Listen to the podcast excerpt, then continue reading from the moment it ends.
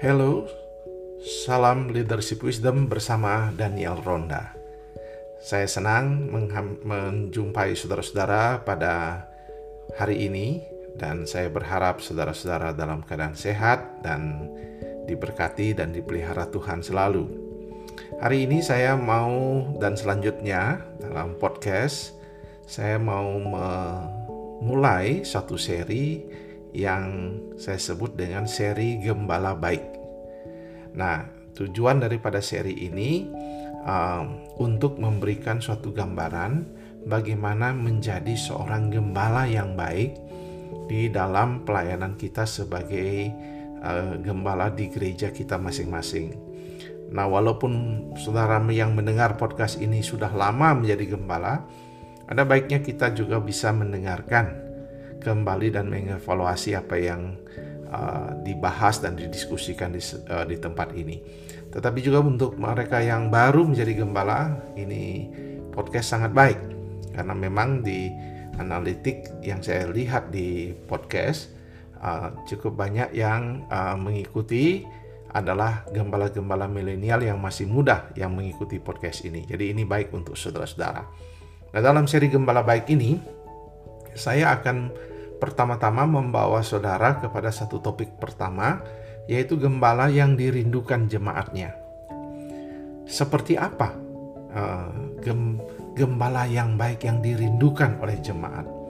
Karena sering kali uh, waktu saya berjumpa dalam pelayanan ke gereja-gereja, ada banyak uh, anggota jemaat, tokoh gereja, aktivis, uh, sering mengeluh tentang gembalanya, kecewa dengan gembala, perilakunya, uh, mungkin etos kerjanya, dan juga hal-hal lainnya yang terjadi maupun keluarganya, sehingga jemaat menjadi menurun kehadiran, malas melakukan perkunjungan, ada konflik, tidak konsisten, jujur, dan sebagainya.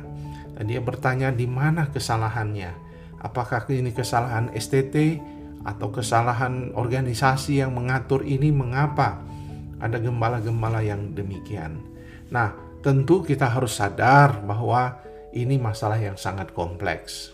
Tidak masalah yang sepele atau sesuatu yang sederhana. Nah, pada satu sisi uh, sering kali kesalahan ada pada jemaat juga yang punya ekspektasi tinggi yang berlebihan mencari sosok yang sempurna dari gembala. Mereka mau gembala semuanya serba bisa. Pintar berkhotbah, rajin, jago manajemen, jago teknologi, rendah hati, lemah lembut, semua keluarganya harmonis, semuanya dan terima gaji seadanya atau persembahan kasih seadanya, tidak mengeluh. Nah, itu figur yang sempurna yang dicari.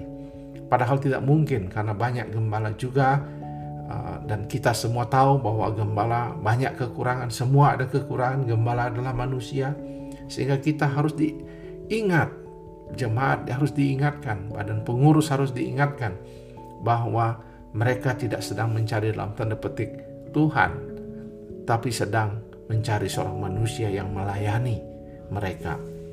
Nah, itu yang harus kita ingat.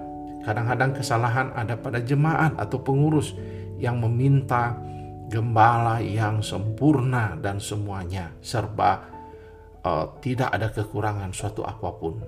Tetapi pada sisi lain ada gem kita harus mengakui setelah saya berkeliling Indonesia berjumpa para gembala, saya mengakui secara objektif bahwa gembala adalah sumber masalah juga.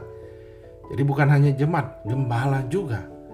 Mereka tidak punya hati sebagai gembala. Mungkin datang jadi uh, melayani tamat dari STT tidak ada panggilan untuk menjadi gembala tapi karena tidak ada tidak ada pekerjaan tidak ada yang lain menantikan uh, menjadi pegawai negeri sangat lama akhirnya dia terpaksa menjadi gembala tapi tidak punya hati gembala.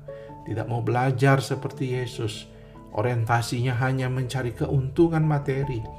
Rasa selalu berkekurangan. Dan uh, uh, tidak pernah merasa cukup dengan apa yang ada. Ya, dia tidak punya roh melayani, tidak punya hati gembala. Dan kemudian ketika ada orang lain yang datang membantu, dia merasa tidak nyaman. Dia menjadi otoriter. Jadi untuk menutupi semua kelemahannya, dia mulai melakukan hal-hal yang sangat-sangat merugikan karakter dan dirinya. Belum lagi keluarganya yang tidak menopang dan seterusnya. Gembala sendiri akhirnya menjadi frustrasi karena ia bertemu dengan konflik dan jemaat tidak menopang dia. Jadi, ini masalah kompleks, masalah yang harus dievaluasi dari dua sisi. Mengapa ada gembala yang bermasalah? Nah, oleh sebab itu pada seri pertama, bagian pertama ini, saya mau mengajak kita melihat bagaimana seorang gembala itu dirindukan, gembala yang dirindukan oleh jemaatnya. Ada seorang penulis uh, bu buku dan juga seorang gembala yang bernama pendeta Dr. Byung Sam Kim dari Seoul di kota Korea yang menjem, uh, mengembalakan jemaat sekitar 4000. Dia sendiri menggumuli bagaimana menjadi gembala ya. Karena dia sendiri uh, begitu banyak masalah dalam jemaatnya. Banyak kritik yang datang di jemaatnya, sehingga ia bertanya mengapa ada banyak tantangan dalam pelayanan dia, dan dia mulai mencari bagaimana rahasianya supaya pelayanannya ini bertumbuh dan berkembang dan bagaimana pelayanan dia sebagai pemimpin dan gembala dan tim pelayanan dia dirindukan oleh jemaatnya.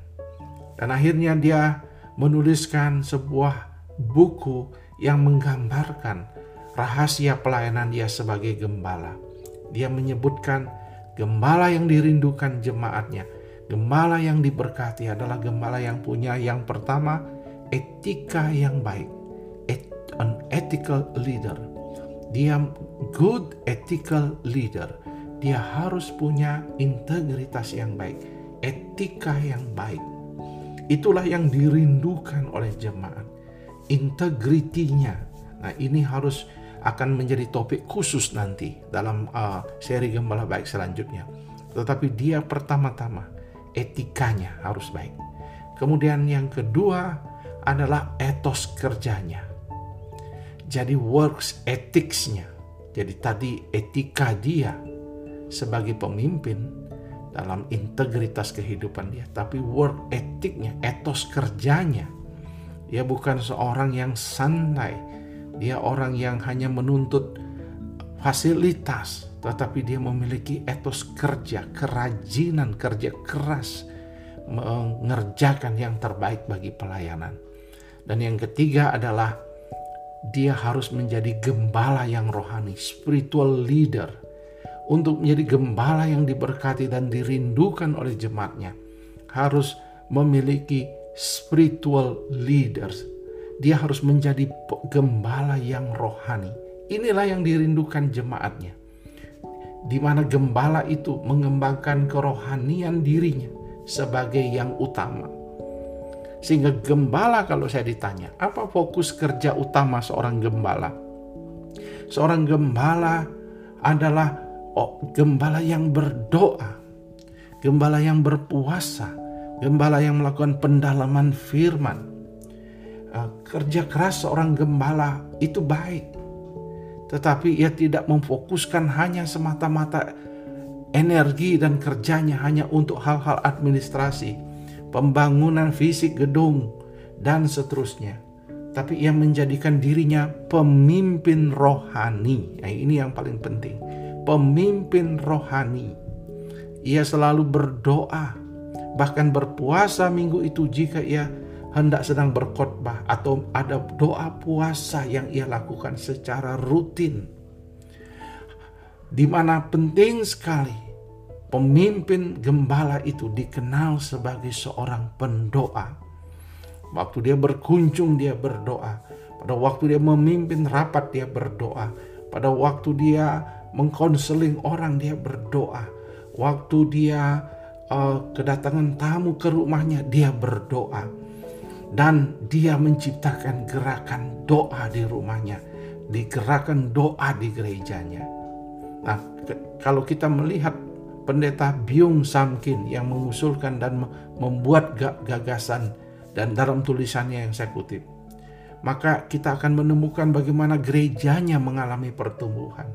Kebaktian doa paginya sendiri bisa dihadiri oleh 4.000 orang. Bahkan jemaatnya terus mengalami pertumbuhan dari tahun ke tahun.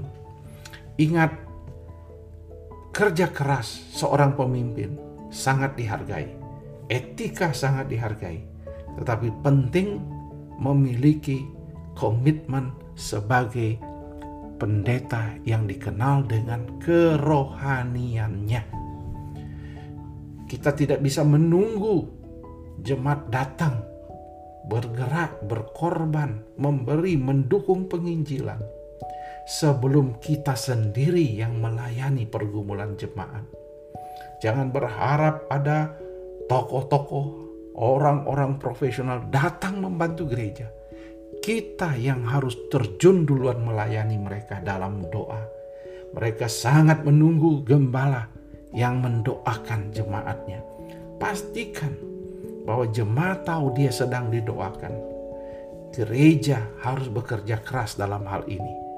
Jadi, pertanyaannya adalah, apakah ada kerinduan dari para pemimpin untuk mengembangkan ibadah doa dan pelayanan doa dengan lebih baik? Apakah kita sedang memiliki kehidupan doa yang baik dan mendoakan jemaat secara terus-menerus. Dan terakhir, apakah kita sudah berdoa dan berpuasa menjadi satu gaya hidup pemimpin? Saudara, kalau kita mau menjadi pemimpin yang dirindukan, maka ingatlah pesan pendeta Biung ini dalam bukunya The Spirituality of Leadership. Kiranya seri Gembala Baik yang pertama ini akan mengingatkan saudara, saudara harus mengembangkan diri dalam etika, kerja, dan kerohanian. Tuhan memberkati.